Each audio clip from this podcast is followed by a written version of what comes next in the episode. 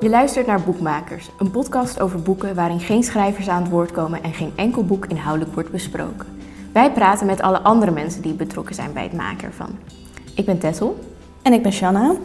En vandaag praten we met Willemijn Visser. Welkom. Dankjewel.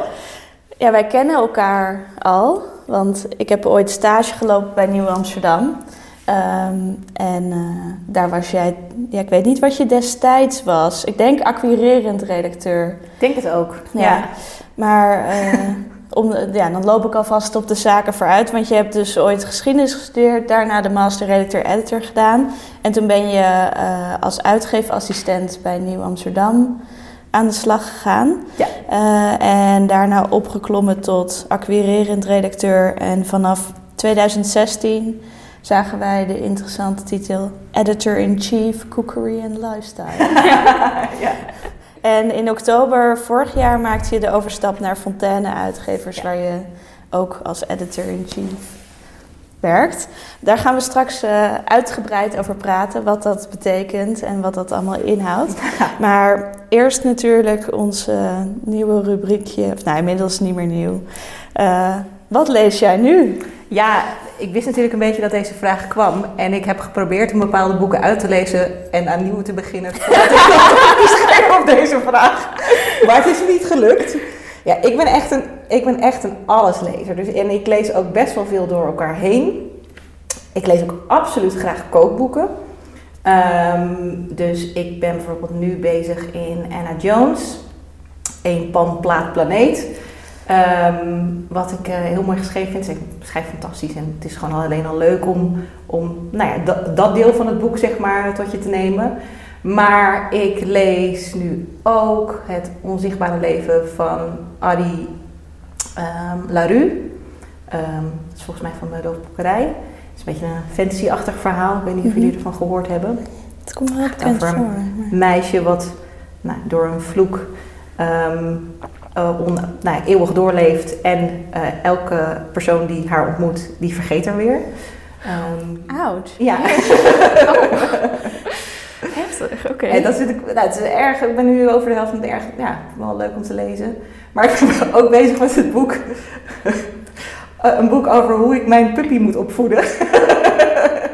en dan heel denk je misschien dat is lichte kost, maar dat is echt heel hard werken. Ja, nee, dat kan dus, niet um, ja, en ik heb ook net Gerda Blees uit. Wij zijn ah, echt, uh, oh, daar ja. ben ik heel benieuwd naar. Ja, dat is, vond ik ook wel echt een heel indrukwekkend boek, moet ik zeggen. En dat, dat is lekker gedaan. Ja, ja. En, maar ook een boek wat je, wat je langzaam leest. Dus dat, daarom vind ik het ook altijd wel fijn om zeg maar, in verschillende tempo's ja. te kunnen lezen. En dan verschillende boeken door elkaar heen. Want je hebt niet elke dag of elke dag deelzin in nou ja, zinnen die je echt nou, stuk voor stuk tot je moet nemen. En, en echt moet laten inzinken. Dus... Um, ja, maar dat vond ik een heel mooi boek, heel bijzonder. En ik, ik zou het volkomen terecht vinden als die uh, uh, uiteindelijk in de prijs valt. Ja.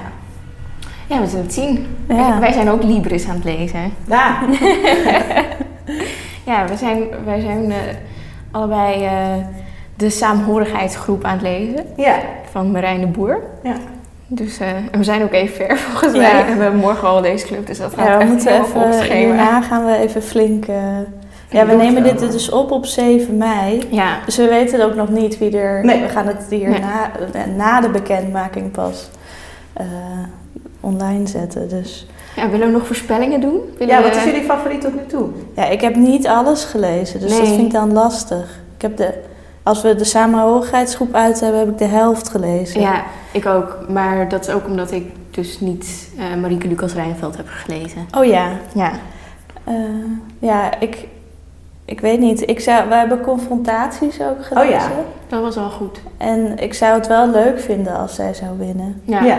Maar ik denk niet dat het gaat gebeuren. Nee, en ik hoorde iemand ook al zeggen, ja, ehm, het is ook be- best wel druk voor je carrière als je je debuut al de Libris wint. Ja, Dat, Ja, ja. ook leuk toch? maar daar Ook zou je leuk. geen rekening mee moeten houden. Als je Nee, nee, nee, toch? zeker Ja. niet. Nee. Ja. Wat, denk, wat denk jij? Ja, ik, ik was toch wel echt heel onder de in- indruk van Gerda Blees. Het, is- ja, dat is, het Ja, lijkt dat me is echt anders dan, voor. dan, dan elk ander boek wat ik heb gelezen. Dat Dat, vond ik heel zo. bijzonder, heel, Ja. heel, heel origineel. Dus ja. Heb jij nog een voorspelling?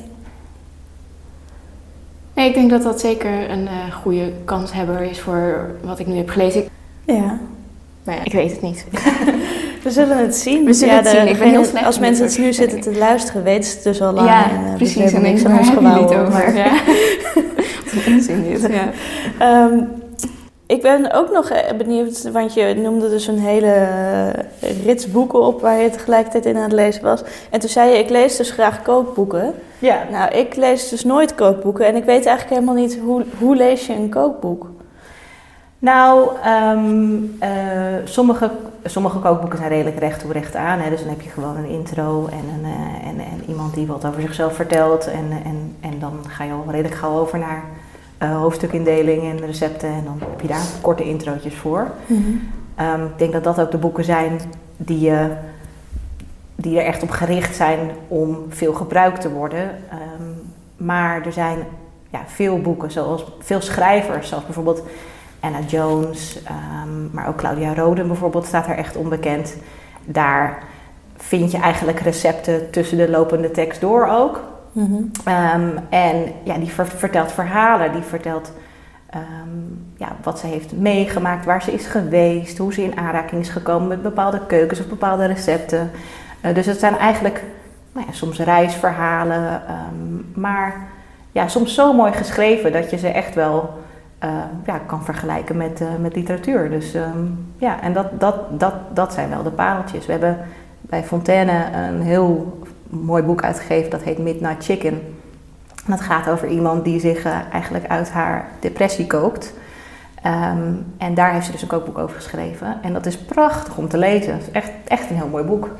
Ehm, en ik weet niet eens of je daar veel uit zou maken. Misschien in tweede instantie. Maar dat boek denk ik dat je dat echt in eerste instantie koopt omdat je het wil lezen. Ja. Hmm. Ja. Ja, het is een, ja, een heel ander genre kookboek eigenlijk Ja. dan wat ik me er over het algemeen bij voorstel. Ja, ja en in, in ehm, de Anglo-Saxische wereld is die, ehm, die traditie eigenlijk veel groter. Daar heb je bijvoorbeeld ook eh, culinaire memoires en daar heb je veel meer ook niet geïllustreerde non-fictie van bijvoorbeeld chefkoks en zo over hun leven, hun carrière eh, en de dingen die ze hebben meegemaakt. Ehm, in Nederland hebben wij gewoon die traditie niet helemaal. Als, we, als ik in Frankfurt het woord memoire hoor vallen, dan denk ik, "Hm, dat zal waarschijnlijk niks zijn voor ons. En dat, Ja. zijn, dat is heel jammer, want dat zijn vaak de boeken die ik zelf ook heel graag lees. Maar ik denk dat wij Nederlanders toch een beetje praktisch ingesteld zijn. En dat als we een kookboek kopen, dat, dat we er dan ook wel daadwerkelijk uit willen Ja. kopen, koken. En dat, ook, ehm, dat er ook wel een substantieel hoeveelheid recepten en foto's in moet staan. Ja. Dat is wel, eh, denk ik, wat de Nederlander graag wil. Ja, absoluut. Ja.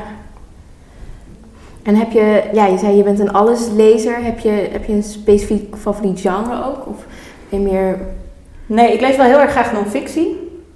Ehm, dus ik heb bijvoorbeeld ook vrij recent heb ik De Ontdekking van Urk gelezen. En dat Mhm. vond ik een fantastisch boek. Ja. Ehm, ja, dat soort boeken waar je gewoon wat meer leert over een bepaalde cultuur of groep mensen. Of, en ik, ik vind het ook altijd wel heel erg fijn als het bijvoorbeeld heel erg lokaal is. Ehm, daar kan ik wel heel erg van genieten. Ja. Ja. Ja. ik denk dat dat dan toch mijn geschiedenisachtergrond ook is. Ehm, maar ik hou wel van boeken die het persoonlijke verhaal vertellen eh, eh, tegen een eh, historische achtergrond, zeg maar. Dus daar, dat, dat, eh, ja, ik vind Anniette van der Zijl bijvoorbeeld ook een fantastische schrijfster. Dat zijn echt, eh, ik denk dat Annie, de biografie van Annie M. G. Smit, dat is echt een van mijn favoriete boeken. Oh, dat ja. wil ik zo graag nog een keer lezen. Ja. Nou, dat moet je echt doen. Dat echt, eh, Ja, ik was echt teleurgesteld. Ik was in een kringloopwinkel in Soesterberg. En daar hadden ze echt heel veel goede boeken, als in dingen die je nooit ziet. En toen hadden ze dus ook die biografie staan. Dus toen dacht ik, nou, hebben. Maar hij was echt helemaal een beetje goor van de zijkant. Dacht ik, ja, ja, ga ik dit dan vasthouden? Dus toen was ik heel, eh, was een soort van bijna maar Ah, net ja. klaar. Maar ja, ik kan ook gewoon, ik kan ook gewoon betalen voor, Ja. voor nieuwe boeken. Kan ook gewoon naar de boekhandel. Ja, zeker. precies, ja. allemaal naar je lokale boekhandel, mensen. Ze zijn weer open. Precies. Ehm, Maar ik lees trouwens ook heel veel kinderboeken op het moment, want ik heb twee kinderen, dus ik lees ja. veel voor. Maar we hebben bijvoorbeeld nu ook echt het eh, heel groot deel van het uh, oeuvre van Roald Dahl heb ik aan ze voorgelezen. Oh ja.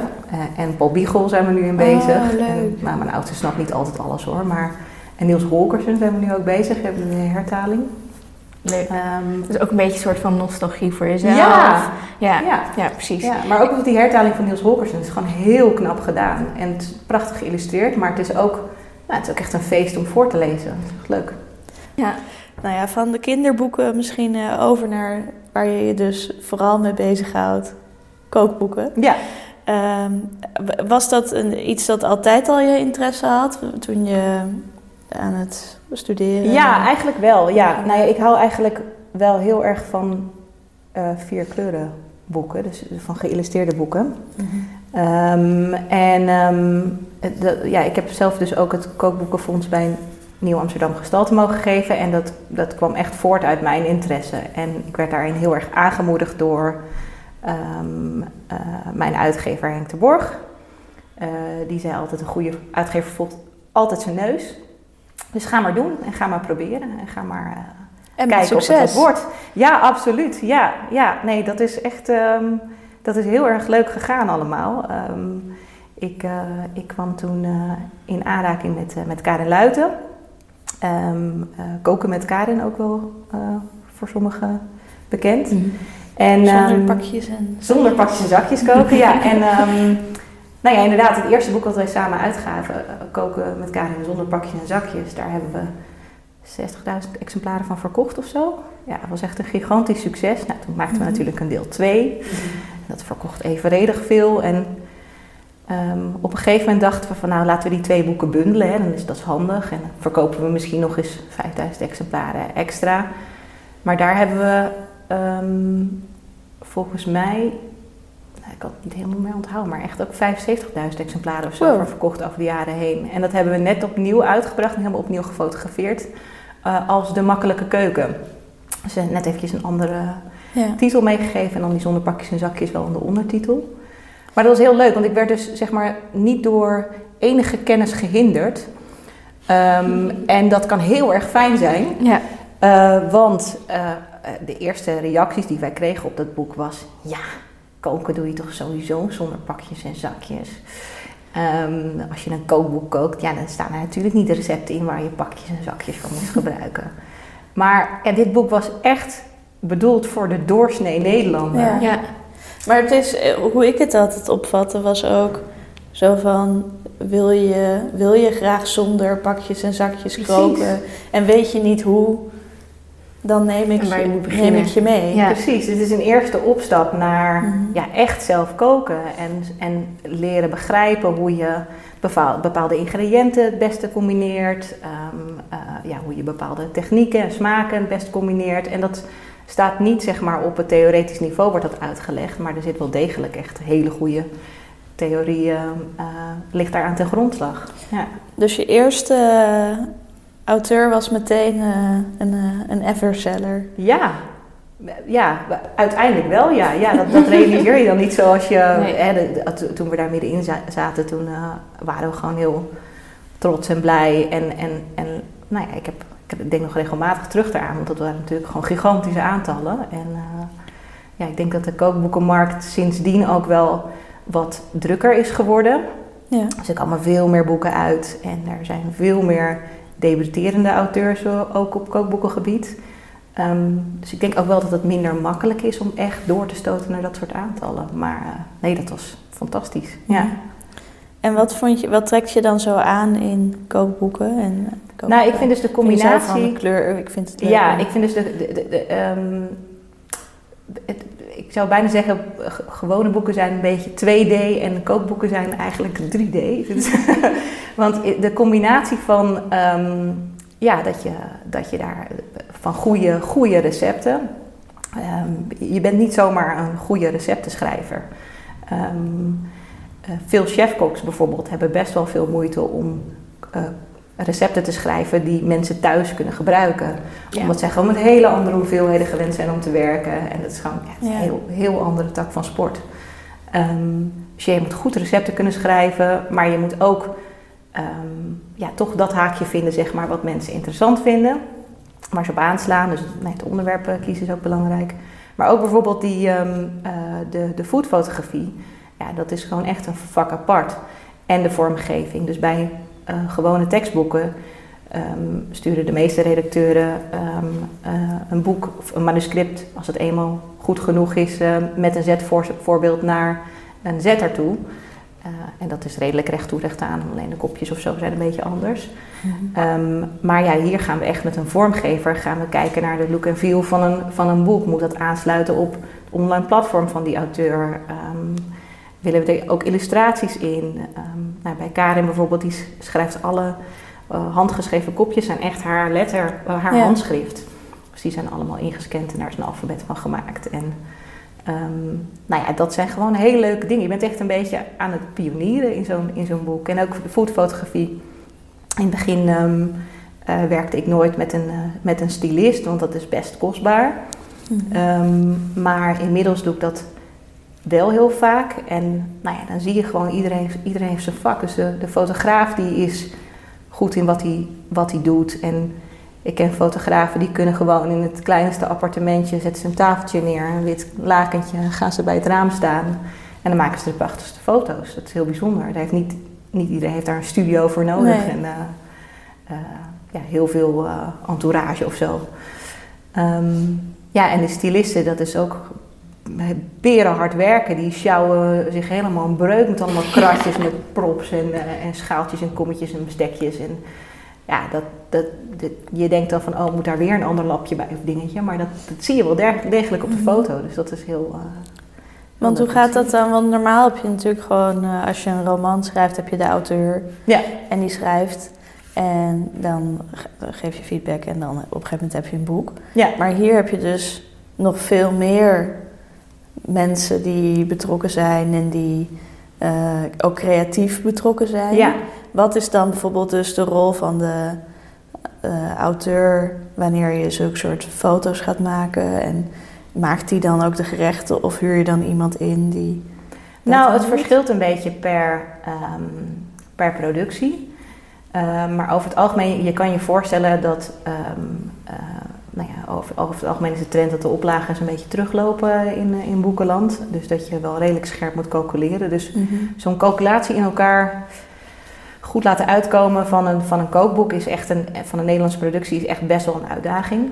Ja, want het is heel duur. Ook heel gewoon duur, qua ja. drukwerk en Ja, in ja, kleurdrukken. dus en fotograaf- moet wel een mooie leeslint erin. Ja, je moet een ja. fotograaf en een... ja je hebt een fotograaf. recepten, ingrediënten, Ja. Ja. eventueel, ja. Ja, nee, je hebt inderdaad, je hebt een, nou, de auteur moet natuurlijk betaald worden voor, eh, voor het de, creatieve eh, werk en nou ja, voor, voor het feit dat, dat hij of zij dat heeft bedacht. Mhm. Ehm, eh, je hebt een fotograaf, je hebt een eh, stylist, eh, je hebt een lithograaf, ehm, je hebt een eh, vormgever Wat natuurlijk. doet een lithograaf? Wat is lithograaf? Die, die, ehm, die, die past foto's aan waar nodig. Dus soms zie je dat er eh, dat. dat ehm, nou, bijvoorbeeld als je hele donkere foodfotografiefoto's eh maakt, dan, dan ziet dat er op scherm zeg maar heel goed uit. En dan zie je dus nu die nuances in de schaduw heel goed. Maar dat valt op papier valt dat weg. Ja. Eh, en dan krijg je dus gewoon een soort van groot zwart vlak. En wat de lithograaf doet, is die hangt dus de juiste profielen aan eh, foto's. En die kijkt dus heel goed naar, oké, eh, deze foto moet op dat papier worden gedrukt. Wat voor effect gaat dat hebben? De CMYK naar de RGB of andersom. Zoiets. Nou ja, dat- heeft er onder andere ook mee te maken Onder inderdaad. andere, maar het is echt, ja, een goede lithograaf die laat elke foto die in zijn boek komt door zijn handen gaan. Ehm, Ja. En ja, als het goed is zie je dus niet dat er iets aangepast is. Maar uiteindelijk zie je dat dus op, op papier wel. Ja. Ehm, Oké, dus je had de auteur, de... Fotograaf, Fotograaf, lithograaf, vormgever. Vormgever, ja. Missen we dan nog iemand? Ehm, nou, wat er soms ook wel gebeurt is dat er, dat er toch iemand eh, komt helpen met, met, het, eh, met het koken of met het, eh, met het afwassen. ja, Ja, dat, kan ook. Ja. ja. Ehm, eh, ja dus, maar meestal, meestal zijn dit, is, dit, is dit dan het team, zeg maar. En je probeert het ook niet te groot te maken, want er moeten...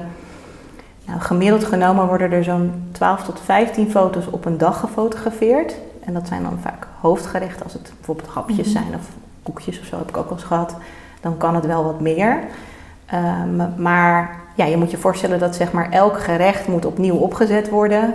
Moet opnieuw de camera weer ingesteld worden. En nou ja, dat, dat, dat duurt wel eventjes per, per gerecht. En wat Dus, gebeurt er ehm, dan eigenlijk mee als het gefotografeerd is? Ehm, Gaan jullie dan opeten? Ja, ja er wordt, nee, er wordt heel veel gegeten tijdens Oh, die fotoshoots. Dus het is ook fantastisch om daarbij te zijn inderdaad. Want ik ben dus niet alle dagen Ja, altijd daarbij. Ik probeer vaak wel een dagdeel aanwezig te zijn. Ook eh, rondom het shooten van de cover bijvoorbeeld. Maar dat ligt ook een beetje aan welk team het is. Want als ik, ehm, als ik een team heel goed ken en heel goed kan inschatten van... oké, deze kunnen, mensen kunnen fantastisch samenwerken... dan, ehm, dan doe ik het ook wel eens op afstand. Dus ik heb sowieso heel veel appcontact en ik krijg ook heel veel foto's altijd in die appgroepjes opgestuurd. En dan zeg ik bijvoorbeeld, nee, ik vind dit te groen. Of, eh, nou ja. Maar vaak hebben we het zo goed doorgesproken van tevoren dat, eh, nou, dat bijsturen bijna niet nodig is. Dus ehm, ja. Ja, wel, ja. Klinkt... eh, Ja, Misschien moet ik ook eens een carrière gaan maken Ja. ik zo Nou, denk e- nu wel weer van, oh ja, ik vond eigenlijk toch wel... Ik heb stage gelopen bij ja. En ja, ik vond dat toch eigenlijk wel, ook wel heel erg leuk. Inderdaad. Ja. Wat je zei ook met de combinatie met de, de fotografie en de tekst. Ja, Ja, nee, ja, het is, het is eh, het enige grote nadeel is als je bijvoorbeeld om drie uur, vier uur 's middags een manuscript of foto's binnenkrijgt of zo. eh, Dat je dan gewoon eigenlijk niet meer aan werk kan denken, maar alleen maar aan eten. Dat is gewoon echt een ja heel is wel echt een nadeel. probleem. Ja, Ja. Ja. ja. Heel zwaar. Presentaties is ook heel, zijn ook heel vaak eh, nou ja, gevuld met lekker eten. Dus, eh, ja, die zijn vaak veel, eh, eh, qua eten, veel uitbundiger Ja. natuurlijk dan andere. ja, ja, daar is hooguit een bitterbal, maar een Ja. kaasstengeltje en wat nootjes. Maar ja. Klinkt als een uh, Ja. leven. Nou, je zei net al van een goede kok is nog niet per se een goede schrijver. Nee, Eh, Werk je vaak met, met ghostwriters of... eh, nee, eigenlijk niet. Nee, nee. Dus Hoe ik zoek ook wel mensen op die die kwaliteiten in zich hebben. Dus, de- ehm, want ik weet uit ervaring, ik heb in het verleden wel, wel met mensen gewerkt die heel goed konden koken, maar niet zo goed konden schrijven. En eh, dat is toch best wel een worsteling om, om dan een boek goed op papier te krijgen. En ehm, ik denk dat een boek ervan een boek beter wordt als, als iemand die kwaliteiten wel in huis heeft. En als jij als redacteur, en natuurlijk heb je daar een hele sturende rol in. En, en natuurlijk is het ook zo dat je als redacteur natuurlijk ook die teksten redigeert en bekijkt. En de samenstelling van een boek bespreekt. En ook het onderwerp van een boek, eh, boek bespreekt. Maar ehm, ja, ik, je moet echt in recepten kunnen denken. Ik denk dat dat, dat dat is eigenlijk het probleem. Dus als je ze niet kan opschrijven, dan kan je heel vaak ook niet goed ehm, de volgorde en, en de handelingen zeg maar, goed opschrijven. En dan heb je er als, als lezer en als thuiskok, heb je er, Ja. dan raak je in de war, dan kloppen dingen niet. Ehm, Maar het klinkt alsof jij dus wel heel erg kookboeken uitgeeft vanuit de, de, de, de auteur. Eh, terwijl je hebt natuurlijk ook van die kookboeken zoals... Ja. Hoe maak je... Wat was het nou? De Bijbels, de, althans ik heb meegewerkt aan de Bijbels eh, Ja. bij Carrera ook. En ik heb ook daar wel wat eh, tekstredactie en eh ghostwriting voor gedaan inderdaad. Maar ja, er was ook één auteur en die ja, gewoon geweldig in wat hij doet verder. Maar gewoon zo'n bonk energie dat hij gewoon niet rustig kon gaan zitten om ehm, een recept uit te schrijven. Dus daar kwam ik dan eh, met, eh, met mijn opschrijfboekje en dan eh, ik ging bij hem zitten en dan, eh, nou ja, dan rende hij de hele weer. Oh, heb je dit al gezien? En ik heb dit uit dit land gehaald en deze techniek hier vandaan. Oh, wacht, ik wilde je ook nog dit laten zien. En dan moest ik dat allemaal een beetje samenbrengen. ja, precies. Nee, Dus dat, nee, dat hebben wij eigenlijk bijna niet Nee. aan de hand. We hebben ook wel mensen bijvoorbeeld die dyslectisch zijn of zo. Maar dat, dat heeft wat mij betreft niks te maken met Nee. Ehm, hoe goed je, hoe structureel je kan denken, zeg maar, en hoe goed je iets op papier kan zetten. Ja. En dat is iets wat een redacteur eh, en een persklaarmaker en een corrector ook gewoon prima Mhm. eh, eruit kunnen halen. Ja. Ehm, dus daar zie ik het probleem niet van. Maar ik denk dat dat, dat heldere denken en dat ook dat conceptuele denken, zeg maar, dat dat gewoon heel fijn is als iemand dat, dat kan. Ja. ja. Ja. Ja, misschien kunnen we nog even een stapje teruggaan. Eh, want we zijn nu al heel specifiek allemaal ingegaan op hoe ontstaat zo'n boek. Maar ik was ook nog wel benieuwd. We begonnen natuurlijk bij dat je bij Nieuw Amsterdam eigenlijk die hele kookboekenlijn hebt opgezet. Ja. En ik was wel benieuwd, kun je vertellen van hoe zou je die lijn typeren? En eh, je bent dus recent eh overgestapt naar Fontaine, wat wel binnen dezelfde, eh, ja, is het een concern, hoe noem je dat? Ja, het is Koepelorganisatie, uitgeefgroep. uitgeefgroep. het zit nog wel binnen dezelfde uitgeefgroep, dus ik kan me voorstellen dat dat anders is Ja, dan concern wanneer je echt... allemaal een heel Ja, aardig woord. Maar uitgeefgroep, ja. daar, daar kunnen we allemaal mee. Ja, nee, ik wist gewoon even niet. eh. maar dus ik kan me voorstellen dat dat anders is dan wanneer je zegt: ik eh, stop mijn baan en ga helemaal ergens anders heen. Maar ik- ja, hoe, hoe, waarom ben je uiteindelijk, heb je die switch gemaakt en eh, hoe, ja, hoe Ja. verschillen die fondsen Nou, van elkaar? Ehm, bij Nieuw Amsterdam was het, nou ja, daar heb ik 13 jaar met heel veel plezier gewerkt. En ehm, ik ben dus ook wel blij dat ik, dat, dat ik mijn collega's straks in normale setting ook nog wel eens tegenkom. Omdat we in hetzelfde plan, pand eh, zitten als eh, Nieuw Amsterdam, als Fontaine zijnde. Ehm, maar bij Nieuw Amsterdam ja, was ik echt een beetje aan het pionieren. En ja, zoals ik eerder zei, ik was niet, eh, werd niet door enige kennis geremd. En dat was heel erg fijn. Ehm, maar ik heb wel heel veel zelf moeten uitvinden. Dus ehm, als je als eh, niet-culinaire uitgeverij, Nieuw Amsterdam is natuurlijk een eh, ja, algemeen literaire uitgeverij met fictie en non-fictie, maar met name de focus op zwart-wit boeken. Ehm, als je dan, dan moet je, je moet, moet overal moet je, moet je ondervinden zeg maar, hoe, dat, hoe het werkt. Ja, Ehm, dus eh de zwart-wit boeken werden en worden bij Nieuw Amsterdam heel vaak in Nederland gedrukt. Maar in Nederland eh, kun je voor color producties bijna geen concurrerende eh, prijzen, drukprijzen vinden. Dus nee, want je hebt maar één precies. drukkerij, zoals we al hebben besproken in de aflevering met Tim Bijen. Ja, dus zijn we uitgeweken naar nou ja, bijvoorbeeld Italië of naar, naar Polen bijvoorbeeld. Daar wordt ook, Mhm. eh, ook veel gedrukt. Maar dus dat zijn dingen die uitgevonden moeten worden. Ehm, nou ja, hoeveel betaal je een vormgever of een fotograaf? Hoeveel is, het, hoe, hoeveel is normaal om van iemand te vragen? Je, Mhm. je, je wil natuurlijk dat...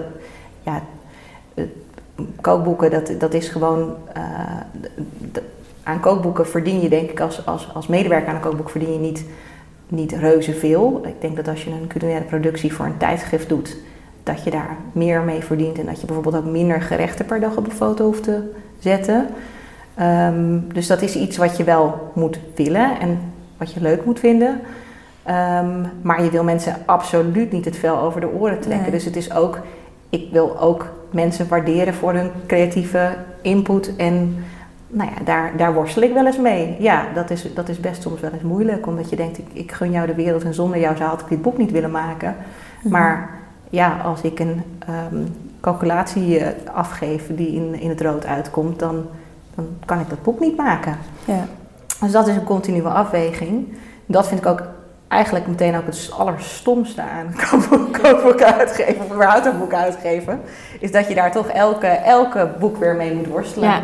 Ehm, dat je ja, mensen toch eh, die, die financiële waardering wil geven voor het werk wat ze leveren, maar eh, dat dat niet altijd eh, ehm, nou ja, afweegt tegen het werk wat, er, wat erin zit. Maar is dat bij Fontaine dan anders? Mm, Nee, nee, maar het, het belangrijke verschil is dat daar dus veel meer mensen rondlopen die in kookboeken in vier kleuren- kleurenboeken denken. Dus dat je meer steun hebt aan elkaar en eh, ook even sneller bij elkaar te raden kan gaan over eh, nou ja, bepaalde problemen of dingen die zich voordoen. En dat is dus heel anders. Ik heb bij Nieuw Amsterdam, ik had echt, ik heb fantastische collega's daar, ehm, maar ehm, ja, ik, ik werk- werkte met eh, de bureauredacteur samen en de, en de eh, productieman samen. Ehm, maar ik had niet een, een team waarmee je inhoudelijk dingen kon overleggen. En dat is Mhm. nou ja, een groot verschil nu bij Fontaine. Ja, En is het dan nu ook dus het einde van de kookboeken van Nieuw Amsterdam? ja. ja. Oh, dus eh, ja, jij Ja. was gewoon de kookboeken. ja. ja dat is En neem je dan die, eh, heb je al je auteurs nu dan meegenomen? Of, Ja, nou ja, mensen bepalen natuurlijk zelf of ze Ja, met me mee willen, ja of nee. Nee. En je moet ook maar net een nieuw boek hebben natuurlijk. eh, maar in principe eh, heb ik, is dat allemaal heel fijn gegaan. Het was een hele een friendly takeover, zeg maar. Ehm, en ehm, nou ja, hebben we auteurs gebeld en verteld van, nou ja, dat ik naar Fontaine ga. En eigenlijk heel veel auteurs reageerden daar heel positief op. Mm ja, ook, omdat... een verkeerde plek om te zitten. Nou precies, Fontaine is natuurlijk gewoon wel een van de ja, grootste uitgeverijen op, uh, op gebied van culinaire boeken. Mhm. Dus uh, veel auteurs vonden het, uh, vonden het eigenlijk gewoon heel goed nieuws. Ja.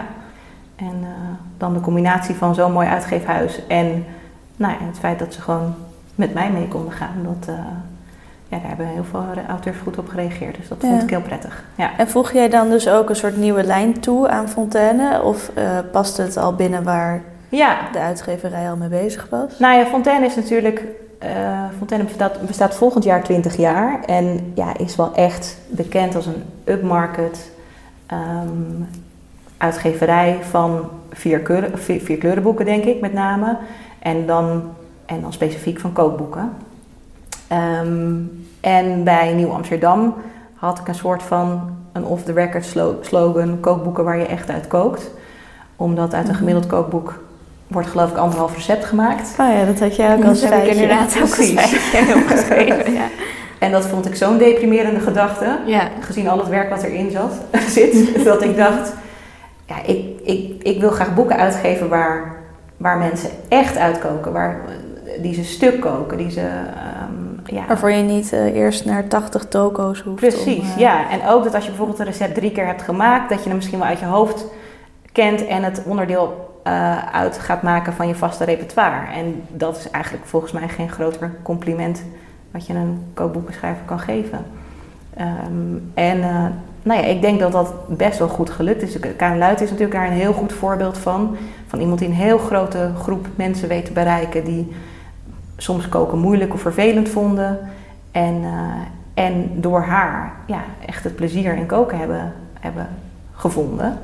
Maar bijvoorbeeld ook, um, uh, ik heb uh, de boeken van Chicks Love Food bijvoorbeeld uitgegeven. Mm De eerste drie boeken. En um, nou ja, dat, was, dat was ook wel een bijzonder iets, omdat toen der tijd werden er gewoon geen boeken van bloggers uitgegeven. Want het idee was, oh, als die recepten al online staan, waarom zou, zouden mensen dan nog een boek kopen en geld betalen voor die recepten als je ze ook gratis kan vinden?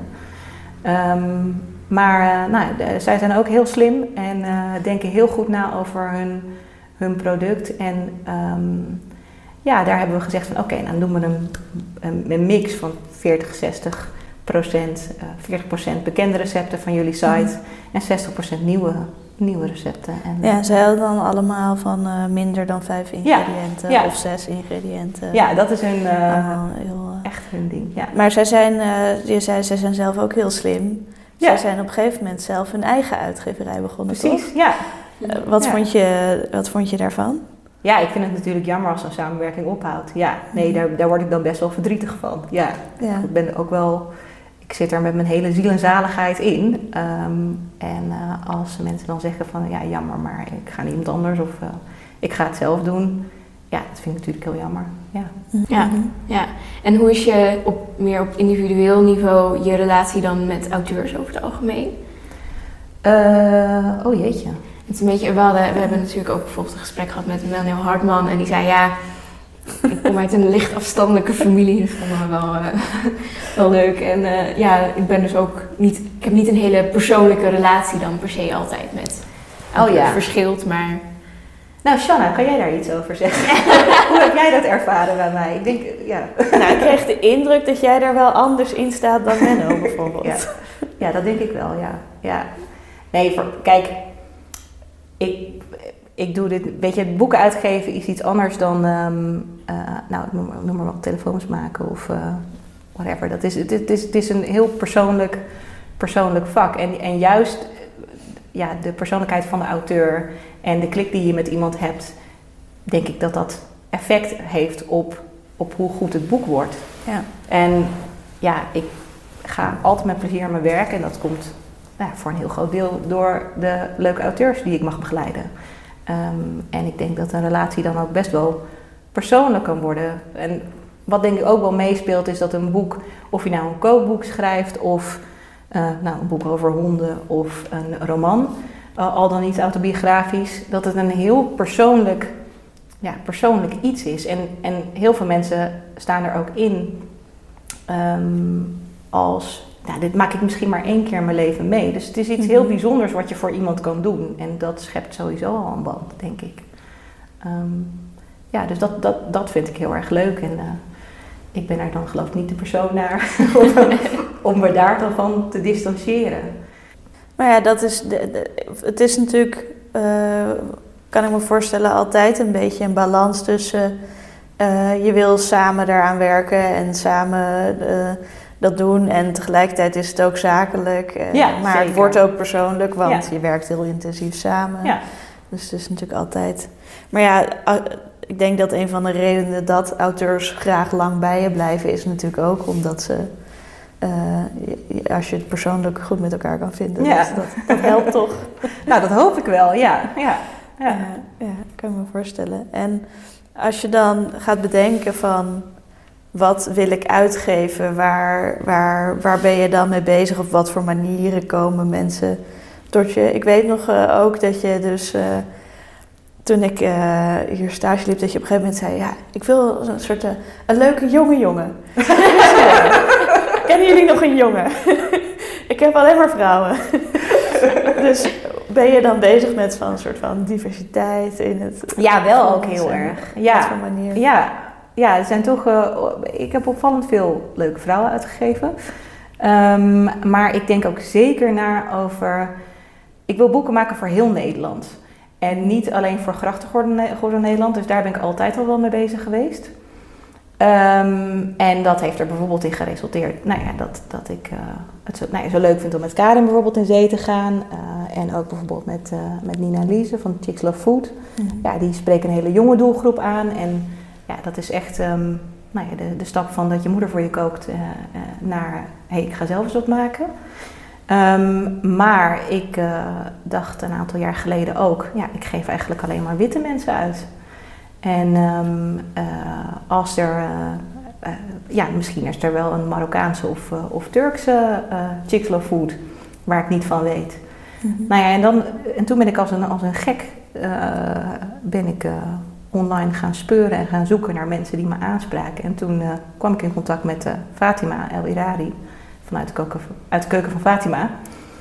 En ehm, nou, we hebben uitgenodigd voor gesprek, heel leuk gesprek gehad. En eh, zij wilde ook heel graag een kookboek maken. En ehm, toen hebben we dus twee jaar geleden haar gelijknamige kookboek uitgegeven. En daar ben ik super trots op. Dat is, eh, heeft hartstikke goed verkocht, 25.000 exemplaren. En Oh, dat is eigenlijk, echt ja, niet mis. niet mis, nee. En, elke, en we hebben nu een tweede boek uitgegeven, waar we ook alweer uh, op uh, 15.000 exemplaren zitten of zo in een paar weken tijd. Dus dat is gewoon ja, fantastisch om mee te maken. En dat is dan ook een bevestiging van, hé, hey, hier zitten mensen op te wachten. Mhm. Dus het is niet zo dat ik mezelf nou op de borst klop van, oh, oeh, lekker geld in het laadje, zeg maar. Maar ik denk dan ook, yes, ik heb een boek uitgegeven wat mensen echt willen hebben. Um, en um, nou, dat, dat vind ik heel erg leuk om te doen. Dus uh, ja, en dat is dan misschien niet het kookboek wat uh, die culinaire prijs wint. En waar heel culinair recenserend Nederland lovend over schrijft. Maar dat is wel het boek wat nou ja, toch op, in heel veel keukens staat in Nederland. En dat, nou ja, dat vind ik heel erg leuk. Ja. ja. En waar meer dan twee recepten uitgekookt worden. Precies, ja. Ja, ja. ja. Je zei, een goede uitgever volgt altijd zijn neus. Hoe volg jij je neus? Heb je daar iets, wat, wat is kenmerkend voor hoe jij je neus volgt? Nou, ik denk dat je wel een soort lijn in kan zien in de boeken die ik uitgeef. En, um, ja. en dat is niet alleen culinair. Ik geef dus ook, ik heb eigenlijk altijd allebei gedaan. Dus ik geef um, uh, culinaire titels uit, maar ook andere non-fictie die een beetje zich kwalificeren ja, als lifestyle. Ja, we hebben alleen maar over kookboeken gehad. ja, maar ja. Vonden we het een heel moeilijk woord vind lifestyle, maar da daar valt het wel onder. En dat is ook bij, wat ik bij Fontaine doe bijvoorbeeld. En nu, nou ja, bij Fontaine hebben we nu net een boek uitgegeven van Joko Boon, een auteur waar ik al uh, veel meer mee heb samengewerkt.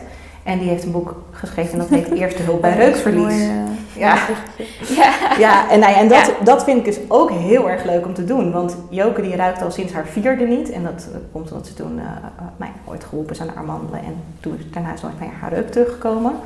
Eh, maar die heeft zich toch ontwikkeld als succesvol kookboekenschrijver. Ook omdat zij dus een hele goede receptenmaker is. En zij, zij is heel goed qua structuur ook. En prikkeling en tonggevoel. En nou, dat is heel bijzonder. Ik denk dat zo iemand als zij kan nooit eh, kookboekenschrijver worden, maar ze schrijft fantastische recepten. En er zit juist die, die extra laag Ja. in. Ik weet dat nog wel, dat, dat eh, toen ik bij Carrera zat, gaven we haar eerste boek uit.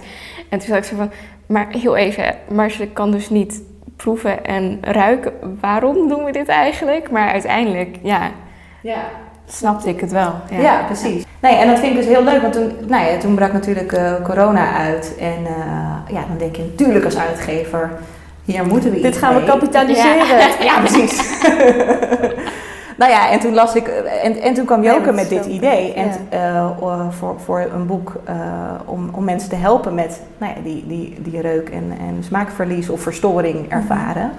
Eh, want zij geeft daar ontzettend veel lezingen over. Ze, is ook, ze werd ook geïnterviewd door CNN en zo over, over, ja, Ah. over Joke, Joke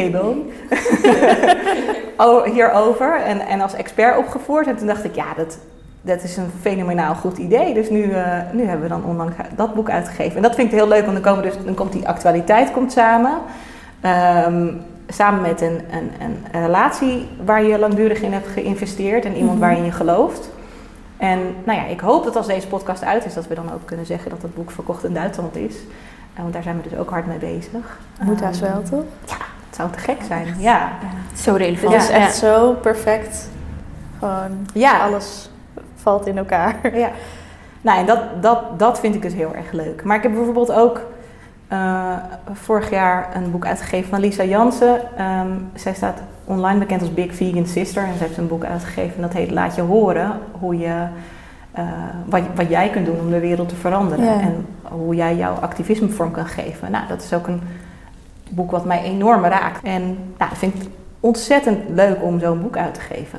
Ja. Ehm, en nou, daar ben ik dan ontzettend trots op. En dan, is het, dan heb ik daar misschien niet 10.000 exemplaren van verkocht. Maar ik ben wel heel blij dat ik het gedaan heb. Ja, in diezelfde categorie van de wereld veranderen. Je ziet nu natuurlijk ook dat steeds meer mensen vegetariër worden of Ja. veganist.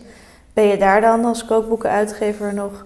Of een ander, eh, andere categorie, namelijk dat je heel veel afvalboeken hebt en zo. Ja. En wat zegt dat over? Ik geef geen zelf? afvalboeken uit. Gewoon principieel niet? Principieel niet. Nou, Nee. vind ik uitstekend. Nee. nee, ik vind echt. ehm, ik, ik, ik denk dat, eh, dat niemand gebaat is bij eh, eh, ja, boeken die je relatie met eten nog meer verstoren. En ik denk gewoon dat eh, het belangrijk is dat je van eten geniet. Ehm, en ehm, dat je ja, probeert om zelf, zelfvertrouwen te krijgen en je goed in je vel eh, probeert te zitten en, en daaraan werkt. En ik denk dat, kijk, mensen die heel erg te zwaar zijn en die daar medische problemen van ondervinden.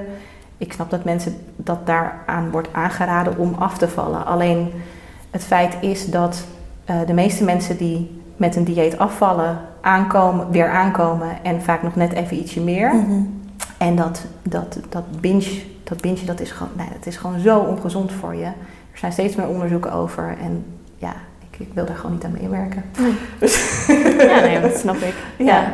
En als je het hebt over ik, ik, vegetarisch kookboeken, ik ben zelf geen vegetariër. Ik hou wel heel erg van groentegerechten. En ik eet ook niet heel erg vaak in de week vlees. Ehm, maar ik benader bijvoorbeeld vegetarische en veganistische kookboeken ook vanuit het idee, jee, wat een interessante keuken. En ook Mhm. als je jezelf een bepaalde beperking oplegt of wil opleggen, dan bevordert dat ook enorm de creativiteit. Ehm, en dat is gewoon heel interessant en leuk om, om te zien wat mensen daarmee doen. Ja. Ja. maar dat is dan meer vanuit een soort van eh, vak eh, nerden dat je dat leuk vindt dan dat je denkt, oh ik moet eh, dit meer uitgeven, want dan voelen, wordt het misschien toegankelijker voor meer mensen. Of, Ja. Sorry, herhaal je vraag nog eventjes?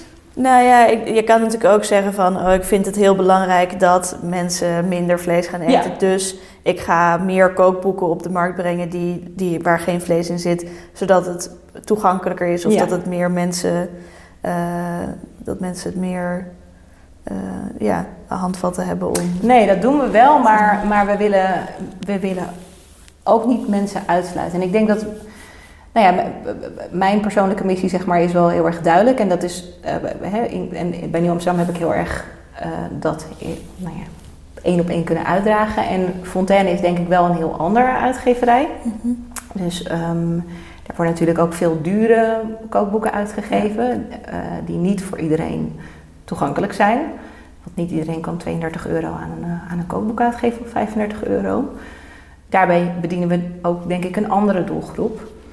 Ja, Ehm, nou ja, wat je net al zei, dat je al best wel vroeg bij was met de bloggers, en, zoals eh, Chicks Love Food. Ehm, hoe heb je de trend meegemaakt dat eh, bloggers, influencers en ook BN'ers eh, kookboeken zijn gaan maken? Ehm, ja, ik heb niet met heel veel BN'ers samengewerkt, moet ik zeggen. En ik snap dat dat vanuit commercieel oogpunt interessant zijn. En er zijn er ook echt een aantal die gewoon echt heel goed kunnen koken. En die absoluut een kookboek verdienen. Ondanks het stigma wat om schrijvende BN'er heen hangt.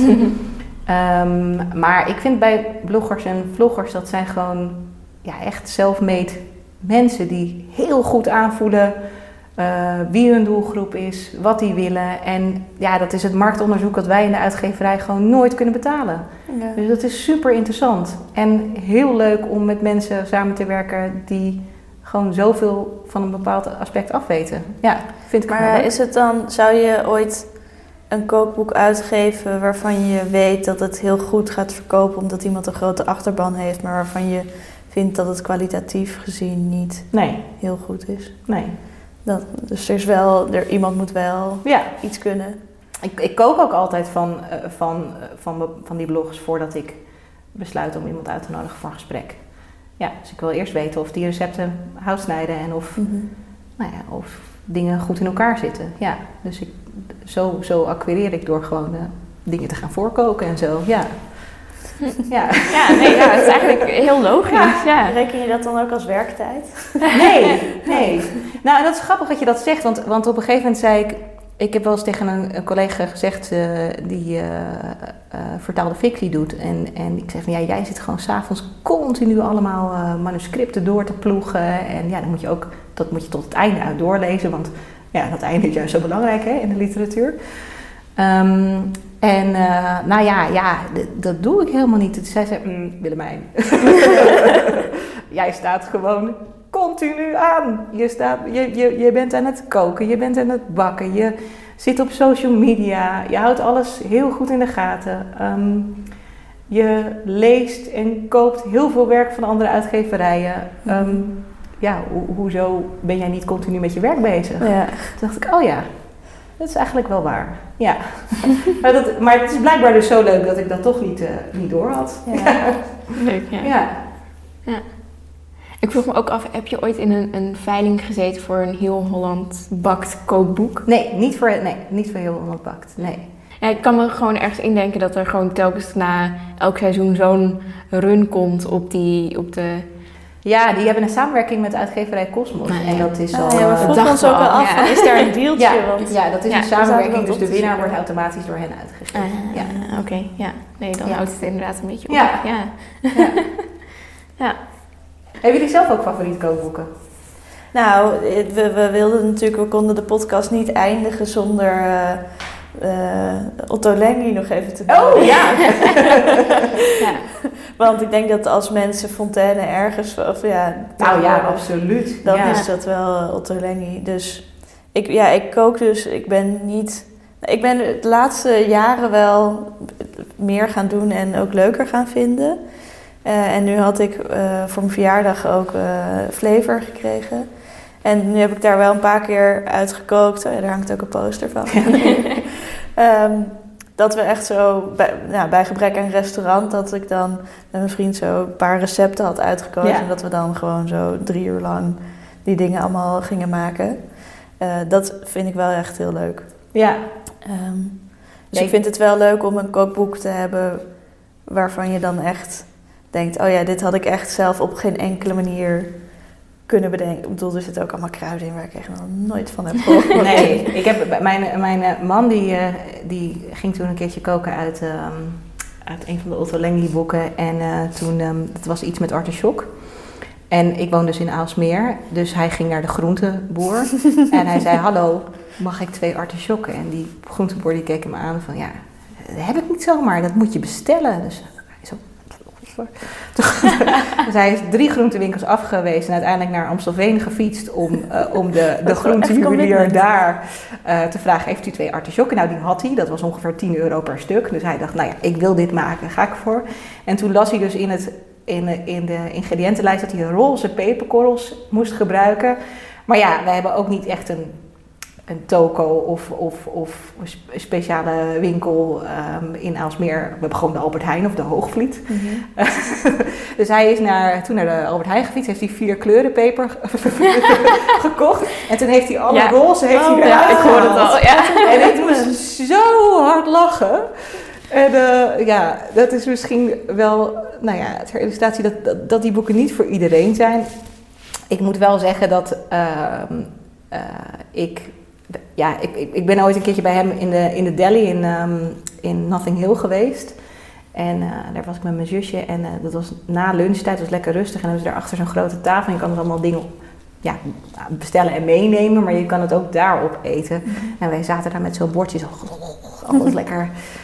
Ja, echt, echt, het was verrukkelijk. Ook nog dingen mee naar huis genomen en zo. En toen dacht ik, oh, als, ik, als dat bij mij om de hoek zou zitten, dan zou ik, dan zou ik me daar helemaal arm aan koken. Ja. Echt, Misschien wel nooit meer zelf koken. Maar, nee, dat denk ik trouwens niet. Maar Ja. ja, Heb jij nog een favoriet kookboek? Nou ja, ik vind Simpel dus best wel Ja. fijn, van Otto Lengi ook dus.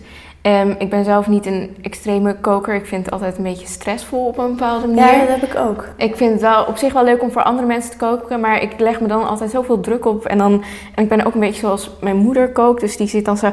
Oh ja, laat ik het recept eens lezen. Oh wacht, het is over vijf uur klaar. Ehm, dus hoe kunnen we dit inkorten? Ja. Oh, oh, oh, zwarte peper. Nee, ik heb alleen witte peper. Ehm, even kijken bij de overbuur. Nee, die hebben dat ook niet. Nou ja, dan maar witte peper, zo. Ja. ja. Zo ik ben denk ik wel, met, beetje. met maar koken is het zo... Koken, daar hoef je niet heel erg precies voor te zijn. Dan kan je best wel een beetje flexibel zijn. is en ook wel zo. Een beetje van dit en een Ja. van dat en een kneepje van zus en een, Ja. een schepje van zo. Heel anders dan Bakken, bakken. daarentegen, ja. bakken vind ik dus ook echt best wel ingewikkeld. Ja. Dat doe ik ook niet heel erg veel. Ehm, maar koken is gewoon hoe vaker je het doet, hoe meer handigheid je erin Ja. krijgt. En ja, voor mij is koken dus nog steeds ontspanning. Ja. ja dat is echt het moment waarop de, de, de werkdag en de, en de avond even van elkaar gescheiden Ah, ja. worden. Ja, ik kan me Ja. voorstellen, het is ook wel een activiteit waar je gewoon zo al je mentale capaciteit bij nodig hebt. Als, Ja. je, eh, als het iets ingewikkelder is dan Ook heel zo, simpel. ja. En Ja. dan is het wel ook, ja, dan kun je er wel echt zo in verliezen. Ja, Ja.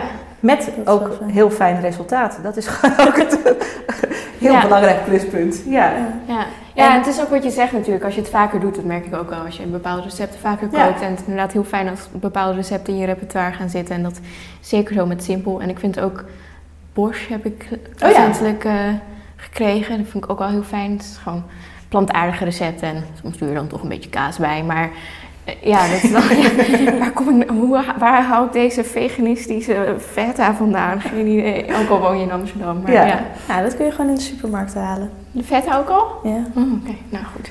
Wordt steeds beter. Nou, de Jumbo- bij de Jumbo vaker dan bij de Albert Heijn. Ja, Maar Kijk, je wordt de tips uitgewisseld. kijk, ja, precies. Maar dat ik heb het zelf nog nooit gekocht eigenlijk. Ik weet dat je het kan halen. Ja. Het is ook een beetje in ontwikkeling nog natuurlijk. Ja. Ja. Maar eh, ja, ik was nog wel benieuwd over Otto Lengi. Dus die- alle, al zijn kookboeken verschijnen nu bij Fontaine. Ja. Is, dat is dus nu gewoon de vaste Nederlandse uitgeverij? Of is er bij ieder boek weer spannend of het weer... Ja, eh, nee, kan? nou, eh, kijk, het is zo dat het is natuurlijk een hele langlopende relatie Mhm. met uitgeverij Fontaine. Dus Martin Fontijn heeft, heeft natuurlijk het eerste kookboek van Otto Lengi, of Plenty, aangekocht. Ehm, en had een goede relatie met de desbetreffende agent. Ehm, en eh, Francis Weekamp, mijn, mijn collega en uitgever van Fontaine, die Ehm, die heeft die relatie natuurlijk voortgezet en ja, daar, daar, daar investeert ze ook veel in. Mhm. En ehm, ja, dat is natuurlijk super belangrijk. Ottolenghi is heel belangrijk voor ons. Ja. En Ja. want we, in het hele gesprek had ik het idee dat jij eigenlijk alleen maar Nederlandse mensen uitgeeft. Nou- of werk je ook wel met vertalingen? Bij Nieuw Amsterdam heb ik met name Nederlandse eh, kookboeken uitgegeven. Ehm, en bij Fontaine ehm acquireer ik ook vertalingen. Ja. Ehm, En hoe eh, pak je dat aan? Nou, dat is ook wel weer een heel interessant nieuw ding. Want bij, bij, bij Nieuw Amsterdam kwam ik soms ook wel moeilijk eh, ertussen. Eh, omdat Nieuw Amsterdam in het buitenland niet een enorme, Ja. eh, enorm bekend staat als een uitgeverij die culinaire boeken verkoopt. Eh, met succes. En ja, bij Fontaine is dat gewoon toch echt veel makkelijker. Dus ik- ja, ik heb net een soort Digital London gehad. Mhm. Eh, is een hele maand ongeveer aan, de, aan gesprekken via Zoom en Teams. met Amerikanen en Britten vooral, voornamelijk. Ehm, en ehm, ja, dan, dan helpt het gewoon. Ze, ze kennen gewoon Fontaine als een sterk merk. Ze kennen Ja. Fontaine als een succesvolle uitgever van Ottolenghi. En ja, dat helpt gewoon enorm. Maar bel je dan met andere uitgevers of met hun agenten? Of Beide. Ja. niet Ja. En, eh, en soms moet je de rechten regelen via de agent en soms rechtstreeks via de uitgever. Ja, dat verschilt gewoon heel erg. En dat is een terrein wat ik wel ken, ook van de, van de non-fictie die ik bij Nieuw Amsterdam uitgaf. Daar heb ik ook wel vertalingen uitgegeven. Maar ehm, nou ja, in kookboeken, internationaal kookboekenland zeg maar, daar, eh, nou ja, dat is ook wel weer een soort nieuw aspect aan mijn baan nu. Dat vind ik ook heel erg leuk. Ja. Ja. ja, want ik kan me ook voorstellen dat het op heel veel manieren heel anders is. Want je moet ehm, natuurlijk... Er ligt al van alles qua... Ja, Er is al beeld, denk ik. Of Ja. ga, je ga je ook wel eens opnieuw nee, dat doe Dingen je eigenlijk niet. Nee, Nee. want dat is dan te kostbaar? Ja, dat is te kostbaar. Ja. Nee, dus je moet echt het boek als pakketje interessant vinden. En dan heb je vaak de, grote vraag is, zeg, moet het in co-productie of mag je het ook zelf drukken en produceren? Dat is een eh, groot verschil. Ehm, Maar, en vaak is, Hoe werkt het dan? nou ja, voor, voor buitenlandse uitgeverijen is ehm, boeken uitgeven in co-productie ook een, een, eh, een verdienmodel. Dus zij geven dan een eh, prijs af per stuk, afhankelijk van de oplage. En dan zeg jij ja of nee en dan eh, laat jij jouw, jouw Nederlands vertaling in een opmaakbestand eh, ehm, zetten. En dan Mhm. gaan zij het drukken, ge- gezamenlijk met bijvoorbeeld de Duitse, Spaanse en nou, Engelse originele uitgaven. En dat scheelt natuurlijk hun in kosten als ze een grotere oplage drukken van hetzelfde boek. Dat is natuurlijk wel dan in andere talen, maar dan kunnen ze natuurlijk iets regelen met de drukker. En die marge pakken ze dan zelf. Maar het is dus niet zo dat ze de vertaalrechten aan jou verkopen en dat het dan volgens gewoon jouw boek is. Dat kan dus ook, Maar dan- ja. oh, maar dan doe je het niet in co-productie. Dus dan, dan eh, dat vinden we eigenlijk natuurlijk fijner, want dan kunnen we gewoon eh, vaak ook wat kleinere oplages drukken. Ehm, en dan kunnen we ook sneller herdrukken, Ja. in plaats van dat we moeten wachten op die co co- eh, volgende co-productie. Mhm. Ehm, dus dat is gewoon, de lijnen zijn dan wat korter. En je kan dan ook, ehm, ja, vaak zijn er wel echt hele strenge richtlijnen wat betreft eh, welk papier we moeten gebruiken en welk leeslintje en waar, waar dat Ah. vandaan moet komen en zo. Dat is Ehm, eigenlijk veel eh, minder vrij dan Ja, dus, als je een roman of zo Ja. in vertaling Ja. uitgeeft. ja, dus daar zitten wel, het is wel enorm geregeld. Ja, Ja. ja. Ja. dus dat is, eh, en dat doe ik dus ook niet alleen. Dat is, eh, en, en sterker nog, ik, ik, ik focus nu met name nog op Nederlandse auteurs hoor. Dus ehm, de echt moeilijke, moeilijke. Ik heb niks met Ottolenghi eigenlijk te maken, behalve dat ik nu van, van binnen meemaak, zeg maar. Er komt nu weer een nieuwe Ottolenghi aan in het najaar. Oeh. De Ottolenghi Test Kitchen. Ehm, en eh, dat, daar waarin Ottolenghi dus voor het eerst ook zijn team ehm, ja, in het zonnetje zegt, zet en eh, ja, echt het podium geeft. Mhm. En eh, nou ja, dat, dat, dat maak ik dus nu wel van heel dichtbij mee hoe dat, hoe dat gaat. En ehm, ja, hoe we dat dan in de markt gaan zetten. Dat is superleuk. Maar ehm, ik voor zelf heb ik, er, heb ik er niet heel veel stress over. Dat is fijn. Ja. Dat is fijn. Ja. Ja. ja. On that positive note Lijkt me een goede inderdaad. ja, Ja. eh, kunnen we misschien eh, afsluiten. Eh, heel erg bedankt voor het leuke gesprek. ja, graag gedaan. Dank jullie wel dat jullie me hiervoor gevraagd hebben. Superleuk. Ja, nou ja, likewise. Precies. Ehm, ja, vond je dit een leuke podcast? Volg ons dan op Instagram, Boekmakers. En laat een review achter op iTunes. Want dat helpt ons onder andere gevonden te worden. Tot de volgende. Doei!